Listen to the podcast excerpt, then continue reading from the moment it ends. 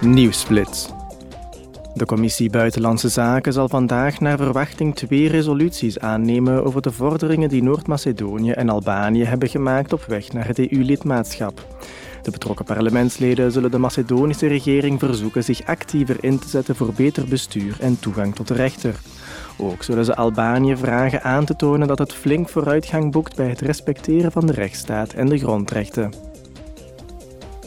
De leden van de parlementaire commissie voor Milieu nemen vandaag hun standpunt in over nieuwe EU-regels voor industriële emissies.